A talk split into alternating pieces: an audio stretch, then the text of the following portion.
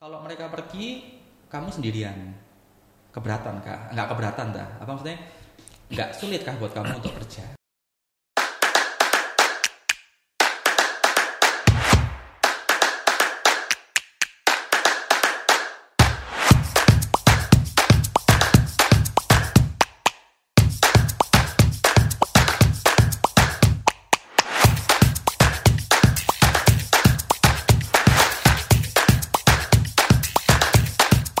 Selamat sore UC People, kita bertemu lagi dalam acara TLC Talks pada hari ini.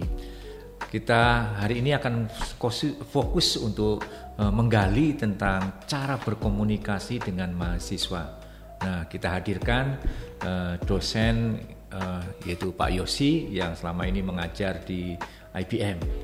Pak Yosi dikenal dengan orang yang sangat mudah berkomunikasi dengan mahasiswa. Kita akan menggali trip uh, tik apa trip apa uh, trik-trik ya, ya. trik-trik untuk berkomunikasi dengan mahasiswa.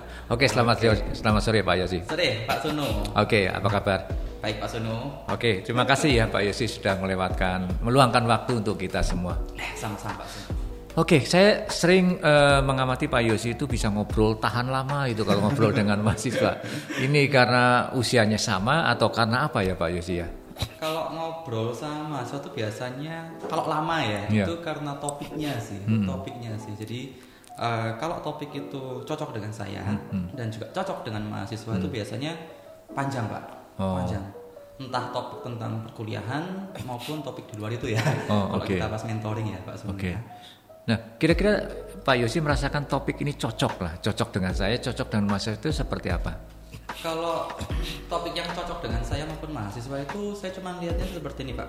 Uh, kan biasanya kita ngobrol dulu ya awalnya ya. Hmm. Mungkin di awal tuh nggak nggak berencana untuk panjang. Hmm. Mungkin di awal tuh cuma untuk ya ngobrol santai saja. Hmm. Hmm. Tapi terus itu saya lihat kalau misalkan mahasiswa ini uh, menceritakan topik yang sesuai dengan saya hmm. yang kayaknya ini bidang saya atau saya tertarik di bidang hmm. itu ya saya akan berusaha kasih lebih ya maksudnya kalau hmm. masuk tanya ya saya berusaha kasih lebih dari hmm. topik yang sudah mereka bawa ini hmm. dan nanti dan tentunya biasanya kalau uh, mahasiswa ini membawa satu topik ke saya itu berarti secara nggak langsung kan mahasiswa itu sudah tertarik sama topik itu hmm. karena kalau mereka nggak tertarik sama topik itu mereka nggak mungkin tanya hmm. saya nah dari situlah baru uh, saya coba uh, apa ya perdalam lagi ya untuk uh, ngobrol sama mereka ya hmm. sehingga ya pembicaraan jadi lama akhirnya. Hmm, oke oke oke.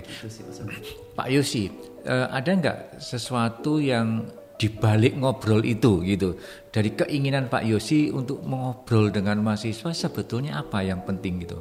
Kalau uh, untuk ngobrol dari mahasiswa tujuannya ya Pak Iya yeah, iya. Yeah. Tujuannya itu macam-macam sih Pak. Hmm. Tapi yang paling sering itu buat saya yang apa yang paling berarti buat saya itu ya bangun relasi ya pak ya sama hmm. mahasiswa ya. Hmm. Jadi kan uh, saya pernah kuliah, saya pernah sekolah dan saya kan punya apa namanya role model dosen yang hmm. saya dambakan. Hmm, hmm. Nah makanya ketika saya jadi seorang dosen, saya berusaha untuk menjadi dosen yang seperti itu. Dosen yang saya inginkan ketika saya sebagai mahasiswa, tapi tentunya tidak melanggar uh, batas-batas yang ditentukan ya Pak Sunu ya. Nah makanya saya berusaha menjadi seperti itu. Uh, saya pengen dulu ketika saya kuliah saya pengen uh, dosen itu yang friendly sama mahasiswa hmm. yang kalau ngobrol tuh santai. Hmm. Uh, jadi karena kan kalau ya saya kan kalau dulu kuliah tuh kan dosennya kan kadang semena-mena ya kan banyak dosen-dosen yang uh, otoriter ya oh, okay. zaman saya kuliah ya. Nah, saya pengen jadi saya tidak pengen jadi seperti mereka gitu. Saya pengen jadi dosen yang saya dambakan. Hmm. Saya terapkan itu di sini di UC ini jadi uh, saya pengen berusaha bangun hubungan yang baik dengan hmm. mahasiswa karena kan uh, kurang lebih selama empat tahun ya hmm. saya kan punya peran dalam hmm. pendidikan mereka jadi kalau hmm. hubungan saya dengan mahasiswa itu nggak baik ya jujur aja pasti hmm. hasilnya nanti outputnya nanti mahasiswa itu pun juga hmm. jadi nggak baik juga gitu, Oke. Okay. Uh, kira-kira momen-momen apa yang Pak Yosi gunakan agar bisa uh, komunikasi dengan mahasiswa selain di perkuliahan, selain di perkuliahan. Ya. Kalau momennya apa ya Pak ya? Uh, sebenarnya saya juga bingung sih Pak kalau ditanya momennya apa. Uh, karena biasanya kalau di kuliah kan gampang ya untuk hmm. komunikasi ya, karena hmm. kan mau nggak mau. Hmm. uh, walaupun mungkin bahkan bukan saya sama saya bukan sama saya aja sama dosen lain pun mau nggak mau komunikasi kalau di hmm. kelasnya ya kan kalau ditanya dosennya pun jawab hmm. nah tapi kalau di luar itu saya agak bingung sih pak karena saya jarang hmm. uh, untuk datengin mahasiswa untuk ngobrol itu jarang sekali biasanya hmm. mereka yang kontak saya Pak Yosi hmm. apakah ada waktu bisa nggak kita ngobrol bisa nggak kita sharing kita hmm. uh, apa namanya mentoring yeah. seperti itu sih pak oke okay. Jadi utamanya pada waktu uh, apa komunikasi atau ngobrol itu dalam konteks mentoring ya kebanyakan. Ya, awalnya mentoring ya. Walaupun sebenarnya itu uh, di luar tanggung jawab saya pak ya. hmm. ya, karena kan hmm. setiap dosen punya mahasiswa mentor sendiri sendiri ya. Hmm. hmm. Cuman ya nggak mungkin dong ada mahasiswa dari luar yang tiba-tiba uh, apa namanya chat saya minta mentor untuk saya tolak kan juga hmm. nggak hmm. baik ya. Jadi hmm. mau nggak mau ya tetap saya terima juga. Oke, okay. oke. Okay. Uh, inilah yang konteks uh, UC People. Jadi konteks komunikasi itu sebetulnya oleh Pak Yosi diletakkan sebagai konteks mentoring gitu ya. Uh, bukan yang lain-lain. Bukan. Okay. bukan yang lain di konteks mentoring. Nah, oke, okay, kita akan berbicara lebih dalam tentang mentoring itu sendiri. Pak Yosi, menurut Pak Yosi supaya uh, mentoring itu berjalan uh, dengan baik gitu, kira-kira uh, apa yang dilakukan Pak Yosi sehingga mahasiswa bisa lebih mudah untuk melakukan proses mentoring ini? Oke, kalau proses mentoring itu kita lihat dulu Pak, yang butuh sebenarnya siapa sih kalau mentoring? Hmm, hmm. Sebenarnya dalam proses mentoring itu yang butuh bukan dosen, hmm. tapi mahasiswa kan. Hmm. Nah, kalau mahasiswa yang butuh, berarti secara nggak langsung ya biarkan mahasiswa itu berbicara. Hmm. Kadang-kadang beberapa dosen itu ketika mentoring itu bukannya mendengarkan uh, keluh kesah mereka atau hmm. apa curhatan mereka, hmm. tapi lebih kayak langsung menjudge langsung kamu harus gini gini gini gini gini padahal hmm. mahasiswa itu belum selesai bicara gitu hmm. nah, biasanya saya biarkan mereka ngobrol biarkan mereka apa bicara dulu hmm. biasanya udah sampai panjang gitu atau uh, ya mungkin kadang di sela-sela apa, apa sela-sela ketika masa bicara saya juga nimpali ya pak ya tapi hmm. tidak tidak langsung saya oh enggak kamu harusnya gini gini enggak tapi hmm. biarkan dulu bicara beberapa kali saya harus nimpali supaya uh, mahasiswa tuh sadar kalau saya itu juga mendengarkan gitu loh. Mm-hmm. Karena kalau misalkan mahasiswa ngomong terus saya diem aja, mm. itu kan kesannya nggak enak ya, kesannya kayak nggak sopan gitu kan. Mm-hmm. Nah makanya sebisa mungkin saya timpali, saya apa namanya komentari tapi mm. tidak sampai terlalu detail gitu okay. sih dari okay. Terus setelah oke okay, setelah kita, uh, Pak Yosi mendengarkan mendengarkan uh, apa yang diutarakan, terus uh, apa yang dilakukan Pak Yosi? Nah ini baru mengomentari ya, iya, baru mengomentari yang agak lebih detail ya. Mm -hmm. uh, kita juga harus lihat pak motivasi dari si mahasiswa ini apa sih kan kita bisa hmm. tahu ya hmm. dia ngajak kita mentoring tuh ada yang butuh solusi hmm. hmm. ada yang butuh pembenaran hmm. kadang-kadang orang-orang itu kan uh, mentoring tuh bukan karena pengen solusi tapi hmm. karena pengen aku tuh benar gitu loh buat didengerin gitu konfirmasi maksudnya konfirmasi gitu mendapatkan ya. konfirmasi nah, ya kan banyak yang seperti itu yeah. ya pak ya nah kita harus lihat dulu dan itu kelihatan ya biasanya di awal bukan sorry di awal selama pembicaraan tadi hmm. kalau panjang tadi kan Nah, hmm. saya bilang dengarkan dulu mereka hmm. supaya saya bisa lihat kalau hmm. arah bicaranya ke mana. Hmm. Karena kalau kita tahu arah bicaranya ke mana, kalau misalkan si mahasiswa itu butuh pembenaran hmm. atau butuh apa solusi, nah itu kita bisa bisa kasih gitu kan. Hmm. Hmm. Kalau memang dia butuh solusi ya kita berusaha kasih solusi. Hmm. Tapi kita juga nggak serta merta langsung ngasih solusi ya. Bahkan hmm. kadang saya juga ajak ajak dulu. Menurut hmm. kamu sendiri kayak gimana sih uh, solusi yang baik buat kamu? Hmm. Nah baru setelah itu kita telah lagi ya uh, misalkan oh solusimu ini kayaknya kok kurang baik ya kalau lebih seperti ini gimana kamu cocok nggak kamu setuju nggak hmm. gitu gitu sih pak kalau yang butuh pembenaran itu yang agak sulit ya ya kan itu kan hmm. ego ya jadi uh, ketika mahasiswa itu butuh, butuh untuk supaya dianggap benar itu ya mau nggak mau saya juga apa ya agak ragu bukan agak ragu ya agak galau ya di satu sisi mungkin mungkin saya merasa bahwa mahasiswa itu salah kalau saya merasa mahasiswa itu benar ya saya mengaku ya memang kamu benar hmm tapi kalau saya merasa mahasiswa itu salah, nah itu yang agak repot. Hmm. Seperti apa saya harus ngomongnya? Ya kan? Kalau saya benarkan itu tidak sesuai dengan hitungan saya, tapi kalau saya salahkan, hmm. takutnya malah itu uh, merusak ya, hmm. memper, hmm. memperburuk hubungan kan. Jadi kalau kayak gitu tuh mau nggak mau, saya berusaha untuk tidak menganggap bahwa saya benar atau atau mahasiswa itu benar, tapi kayak wes foto-foto salah ya foto-foto bener ya gitu sih pak Terus, apa yang diungkapkan ketika seperti itu misalkan uh, konkretnya di, contoh konkretnya kayak gimana ya misalkan kayak uh, orang ini merasa kalau aku tuh misalkan ini dalam konteks kerja kelompok hmm, gitu, yeah, yeah. Aku tuh sudah bekerja keras hmm. teman-teman tuh nggak bekerja keras gitu. hmm. aku mau apa namanya aku keluarin mereka semua hmm. karena mereka tuh nggak kerja aku nggak butuh mereka gitu loh hmm. hmm. nah itu kan kalau kalau secara ya itu benar salah ya pak ya. Ya, ya, di ya. satu sisi saya bilang ya itu benar juga Hmm. karena kamu dapat teman-teman yang nggak bisa satu visi sama kamu ya buat apa? Hmm. Tapi di satu sisi saya juga merasa itu salah karena kok kamu tiba-tiba langsung me, apa ngekat mereka gitu kan ya ya nggak baik juga ya. Hmm. Nah kalau sampai di situ tuh saya juga saya nggak akan langsung bilang kamu benar atau kamu salah. Saya cuma mikir oh gitu ya mis- misalkan ya pak ya. Hmm.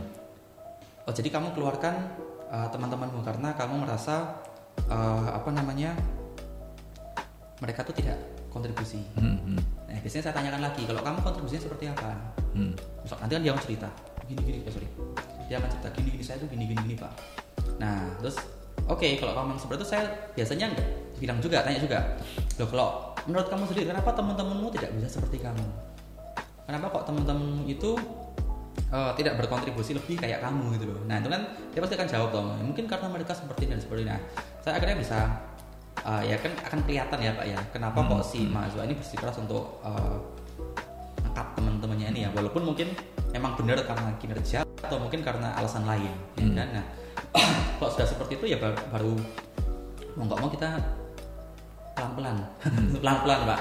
Oh gitu. Terus apakah kamu, ya kamu nggak kasihan tak? Kamu mikirin nggak ini nih? Terus biasanya aku tanya juga sih, saya tanya juga. Kalau mereka pergi, kamu sendirian, keberatan kah? Nggak keberatan tak? Apa maksudnya? Nggak sulit kah buat kamu untuk kerja? Nah biasanya dia akan biasanya kalau orang-orang ini kan egonya agak tinggi ya. Enggak pak saya bisa kerjakan sendiri. Atau mungkin yang kurang ajar mungkin oh saya sudah punya teman lain yang akan menggantikan mereka. Itu itu itu ada itu ada yang Oke, seperti itu juga oke. kan. Nah ya kalau yang sudah seperti itu aku ya suka loh kok gitu sih. Ya akhirnya itu akhirnya eh, saya kalau di situ akhirnya cuma untuk guyon saja. Jadi Hmm. agak apa tidak menanggapnya secara serius ya. Karena kalau saya menganggap serius ya itu pasti akan kacau pak. Hmm. Pasti bukan kacau sih. Eh, di satu sisi nanti jangan nanti jangan dia bilang loh Pak Yosi setuju kok. Nah itu kan nggak enak ya kan? Tapi di satu sisi kalau saya menjawab secara serius sudah menolak kan bilang loh Pak Yosi ini aku tuh minta solusi gitu kok malah kayak Oh. gini kan. Persepsi oke. berbeda ya. Eh, jadi kalau ada mahasiswa yang ingin ingin mendapatkan konfirmasi pembenaran ya pembenaran versi mereka, kita lebih baik mengajak eh, apa ya berpikir alternatif lain ya. ya Oke. benar. dan kalau bisa menempatkan mereka di posisi eh, kayak tadi ya di posisi sebagai si teman yang dikata gitu loh Hmm, hmm, hmm. misalkan si yang tadi kan yang mengangkat si Ani yang mengangkat ya saya bilang kalau kalau kamu kayak gitu sama temanmu gimana nah itu biasanya ya Kak, biasanya di awal mereka langsung bilang enggak mungkin lah pak seperti itu biasanya mereka awal tapi ya nggak apa-apa lah dari situ kan pelan-pelan ya pak ya, Ya. Tapi eh, kembali lagi di prinsip yang pertama mendengarkan itu Mendengarkan penting ya. itu penting, Oke, ini yang UC People di dalam kita berkomunikasi dengan mahasiswa yang langkah pertama adalah mendeng eh, penting adalah mendengarkan. Kedua adalah kita mengident- mengidentifikasi ya Pak Ya. Yosi. Ini arahnya mau ke mana Arahnya ini? mau ke mana? Atau men- me- mereka ingin solusi atau ingin pembenaran gitu atau ya? hanya ingin cerita saja atau ada yang ingin bercerita. ada. Kita harus mengenali itu. Oke oke. itu.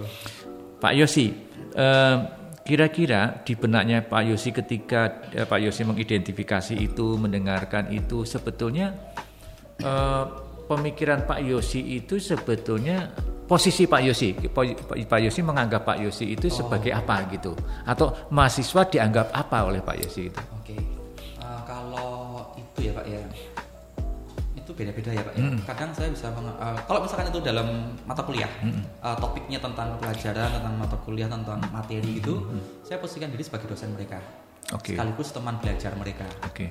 Tapi kalau misalkan itu curhat Mm, mm, atau ngobrol biasa saja yang bukan konteksnya apa materi, Kalau mentoring misalkan, kalau kalau mentoring, mentoring itu lebih ke teman sih Pak, oh, lebih ke teman. Apa maksudnya teman di sini? Eh, teman ini gini pak, eh, empati ya mungkin saya bilang. Oke, oke, oke. Empati ya. Saya berusaha men- menempatkan diri saya sama seperti mereka.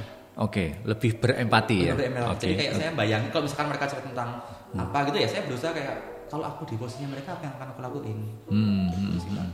Oke, ketika Pak Yesus sudah mengidentifikasi, sudah berempati dengan posisi mereka, menempatkan diri di di, di posisi mereka, terus eh, kenapa kok bisa begitu? Eh, maksudnya kenapa bisa begitu? Jadi maksudnya mengapa Pak Pak Yosi punya punya Lakukan seperti itu, melakukan seperti itu? Oh, Ya. Karena saya saya mikirnya seperti ini pak. Kalau apa namanya? Kalau saya tidak menempatkan diri saya di posisinya mereka, Hmm, saya tidak akan tahu pandangan mereka itu seperti apa dalam masalah tersebut. Hmm, Oke, oke. Ketika saya berusaha menenangkan diri saya dalam masalah mereka, dalam posisi mereka, saya akan lebih apa ya, lebih luas ya, Hmm. lebih tahu oh saya kayak harusnya seperti ini, jangan-jangan seperti itu dan sebagainya. Oke, Pak Yosi, untuk perasaan berempati itu eh, diletakkan di mana? Di awal saja, sepanjang eh, proses mentoring, atau di mana? Apakah selalu empati itu selalu ada, atau hanya di di saat-saat tertentu saja saat itu ngobrol gitu? Nggak selalu pak, nggak Oke. selalu nggak selalu harus semua pak. Karena Iya. kalau selalu harus semua, saya akan sama seperti dia gitu. Oh, bingung, oke, ya oke, kan? oke, oke. Jadi eh, mungkin di sela-sela ya, ketika Hmm. saya ketika mahasiswa itu cerita sesuatu, saya berusaha. Tapi ketika dia minta solusi, kan saya harus memutuskan ya pak ya. Hmm. Iya, nah iya. itu saya harus hilangkan empati saya. Tapi setidaknya saya sudah punya gambaran kan. Oke, Jadi oke. saya bisa tahu, oh harusnya seperti ini, harusnya Hmm. seperti itu. Jadi ketika kita mendengarkan, kita berempati. Empati. Tapi ketika kita memberikan solusi atau memberikan pendapat, kita menjadi diri kita, sendiri. diri sendiri. Oke, oke. Dengan Terima sudut pandang kita sendiri ya pak Oke, ya. oke. Dan makanya kalau kita ketika ada solusi, eh ketika saya memberikan solusi, saya selalu bilang kalau menurut saya, karena saya tahu solusi saya belum tentu benar Hmm. dan belum tentu diterima. Hmm. Setidaknya saya berikan apa argumen bahwa ini menurut saya loh ya. Hmm, Kamu setuju boleh, nggak setuju juga nggak apa-apa. Oke, Nggak ini, ini ada satu lagi. Jadi tetap mengembalikan pilihan itu di ke mahasiswa. Ya tepat sekali. Jadi eh, Pak Yosi hanya memberikan alternatif, Alternatif. tapi pilihannya tetap di mahasiswa itu. Ya, benar Oke. sekali, Pak. Ya, ya, oke, oke. Eh, baik, saya akan coba ya, coba me- mengidentifikasi eh, apa yang diutarakan inti-intinya. Pertama adalah, eh, jadi tadi Pak Yosi mendengarkan ada poin, ada satu poin tentang berempati. Ya. Oke, ada poin tentang mendengarkan, Ya. mendengarkan. Kemudian poin yang lain ada sebuah eh, identifikasi, Ya, identifikasi ke arah, ke arah mana? solusi atau ke arah eh, konformasi untuk pembenaran gitu. Nah, Pak Yosi, kira-kira yang dari eh, empat ya, empat atau Ya, tiga, beberapa tadi. empat, empat hal ya, empati, mendengarkan, identifikasi, gitu, dan memberikan Solusi. so- eh, bukan sorry. pilihan, Pilihan. pilihan ada empat ya, memberikan pilihan itu. Kira-kira kalau diurutkan dari yang paling penting ke yang eh, yang pak bukan nggak penting ya, tapi eh, itu yang apa? Yang Yang nomor satu empati sih pak. empati. Empati. Ya. Oke. Karena orang mentoring itu kan, Hmm. kalau kita misalkan ya, saya mentoring sama Pak Sunu. Hmm, hmm, Kalau Pak Sunu tidak berada di posisi saya, ya itu percuma pak. hmm, hmm. Eh, semua solusi yang Pak Sunu kasih ke saya itu Hmm. pasti akan ya nggak berguna gitu pak. Oke. Tapi ketika Pak Sunu bisa berempati Hmm, sama saya, solusi yang Pak Sunu kasih itu akan cocok dengan saya. Hmm, hmm, Jadi saya pikir yang pertama itu adalah empati. Oke, Pak, bisa nggak empati itu diutarakan sih, atau dirasakan oleh mahasiswa gitu? Bisa.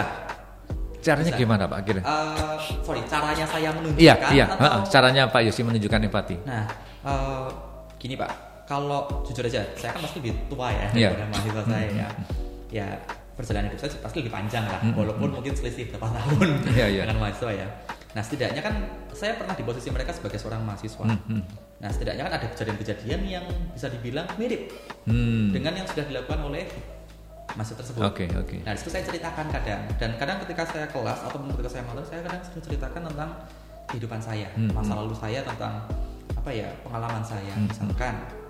Oh iya dulu aku juga pernah seperti itu. Aku merasa seperti ini dan seperti itu. Hmm. Nah dari situ kan mahasiswa kan mulai oh iya ya Pak Yosi ternyata eh, apa namanya juga pernah merasakan. Walaupun mungkin mereka tidak bisa membayangkan apa yang aku rasakan seperti Iya, apa yang iya, saya iya. rasakan dulu. Oke, oke, oke. Gitu. Tapi setidaknya dari situ sudah kayak memantik mereka gitu ya, men-trigger mereka untuk oh Pak Yosi itu juga pernah punya ya masalah seperti ini. Jadi men- men- menceritakan pengalaman yang mirip. Pengalaman yang mirip. Iya, gitu. yang mirip. Oke. Ada Dan lagi kira-kira apa? Saya juga agak bersyukur ya Pak ya, karena kan saya bukan mahasiswa yang apa ya? Ya keserannya saya ini tipe yang pasaran. Itu mahasiswa yang pasaran, jadi Bukan menonjol sekali gitu bukan ya. menonjol sekali juga bukan rendah sekali Iya, gitu, iya, iya. jadi pasaran sekali lah standar gitu. Jadi eh, kurang lebih yang diutarakan mahasiswa itu saya pernah ngalami gitu Oh, karena Oke, saya oke. pasaran tadi. Iya, iya. Oke. Ada lagi nggak selain menceritakan pengalaman untuk tip untuk eh, tip me- meng- meng- apa ya? Kita mengutarakan empati kita Kalau- saja langsung. Selain menceritakan mungkin ke ekspresi ya Pak ya. Hmm, hmm, hmm. Itu kan kelihatan banget ya karena kita ngobrol berdua gitu saja kan kita pasti sering memperhatikan Iya, ekspresi iya, orang iya. lain. Gitu. ah. Nah itu juga kita harus melihat ekspresinya ya, ekspresi yang eh, tulus itu seperti apa. Iya, iya. Kadang-kadang saya lihat eh, ada beberapa dosen tuh yang ketika mentoring itu sulit to say tapi ekspresinya kurang tulus gitu pak, Kepaksa gitu. kayak kepaksa gitu. Jadi Seperti apa Pak saya nggak bisa, saya nggak bisa lihat pak, saya nggak bisa menunjukkan gitu pak. Tapi Iya. saya kok lihat ini kok kayaknya nggak tulus ya. Bahkan ketawa pun ada yang tulus, ada yang tidak loh pak. nah itu itu yang eh, karena kita berusaha apa ya harus maintenance itu ya, Iya, harus latih oke, itu oke. supaya masa tuh tahu bahwa kita ini tulus. Oh, oke oke oke. Tulus ketulusan itu bisa dirasakan ya? Itu bisa dirasakan pak dari apa ya gerak gerik kita Hmm. itu kan kelihatan ya. Hmm, hmm. Kadang ada sih yang mukanya tersenyum mbak, Hmm. tapi kita yang melihat itu merasa kayak Iya. ya kan sering ya pak sudah Iya, pas iya, iya, iya. ketemu ya hati-hati deh ya eh, untuk para dosen UC loh ya. hati-hati untuk para dosen karena ketulusan bisa dirasakan tapi tidak ya. bisa dijelaskan gitu. Aduh, oke. Baik, eh, terima kasih ya Pak Yosi untuk untuk ini sehingga ini mudahan menjadi suatu eh, tip-tip bagi kita semua, Iya. su- termasuk bu- buat saya juga gitu. Eh, nah, pertanyaan terakhir Pak Yosi, kira-kira eh, dari usaha selama ini Pak Yosi lakukan di dalam komunikasi, di dalam konteks mentoring ya, di dalam konteks mentoring itu, eh, Pak Yosi melihat perubahan di perilaku mahasiswa enggak? Eh, setelah saya mentoring Ya, sebenarnya ada sih ada Hmm. beberapa ada beberapa Eh, paling kelihatan itu ketika mereka cocok dengan saya. Hmm. untuk selanjutnya mereka pasti akan minta mentoring pak oh Saya gitu ya. iya. jadi contohnya kayak eh, apa namanya misalkan sudah mentoring ya. Hmm, hmm. terus tiba-tiba mungkin ya dua minggu tiga minggu kemudian eh, apa namanya tiba-tiba minta ayo di mana? Aku lagi di sini bisa nggak kita ketemu? Bisa nggak kita ngobrol? Atau bahkan kayak kapan itu tiba-tiba saya di chat hari itu hari hari libur sih sebenarnya ya kan? Di luar jam kerja bilang Pak Yos ada waktu nggak? Aku mau zoom nggak? Hmm. Mau zoom. Oh zoom. waktu saya lihat jam segini kan jam itu masih siang kan saya Oh, baru iya. bangun atau Iya. gimana kan bilang, oh ya nggak apa-apa sih tapi nanti ya sore gimana? Dan biasanya mereka oke oke. Bahkan kadang eh, kalau misalkan di luar misalkan mereka minta mentoring yang kayak gitu ya pak ya dadakan gitu ya saya bilang malam aja ada. Karena kalau malam kan saya sudah pasti kosong ya. Hmm, hmm. dan biasanya kalau semakin malam itu kan semakin enak ngobrol. Semakin Oke oke oke oke eh, jadi eh, itulah eh, UC people. Jadi terutama untuk para eh, dosen di UC betapa pentingnya kita berkomunikasi dengan tulus dengan mahasiswa eh, berempati dengan eh, apa kesulitan mereka ya presentasi terutama dan kesulitan mereka. Kita eh, mendengarkan tentang apa yang mereka eh, ras- rasakan Rasakan. dan apa yang mereka pikirkan dan kita jangan lupa juga kita mengidentifikasi kita harus kritis di sini. Mengidentifikasi tentang apa sih yang mau eh, diharapkan oleh mereka oleh mahasiswa. Apakah ini sebuah minta konfirmasi saja pembenaran pembenaran dirinya sendiri dan menyalahkan orang lain? Gitu ya Pak Yosi ya. Eh, atau eh, ini men- min- minta solusi. Nah kita harus kritis. Nah di dalam memberikan solusi kita tidak harus memberikan straight to the point solusi itu. Berikan alternatif alternatif pilihan kepada mereka. Gitu ya Pak Yosi Eh, biarkan mereka yang nentuin sendiri. biar biarkan mereka yang menentuin. Dan inilah sebetulnya eh, tip eh, kita berkomunikasi dalam konteks mentoring eh, dengan mahasiswa. Terima kasih untuk eh, teman-teman UC People dan para dosen. Selamat sore kita akan bertemu lagi di topik yang lain. Terima kasih. Salam entrepreneur. Terima kasih Pak Yosi. Sama-sama Oke. Pak Sono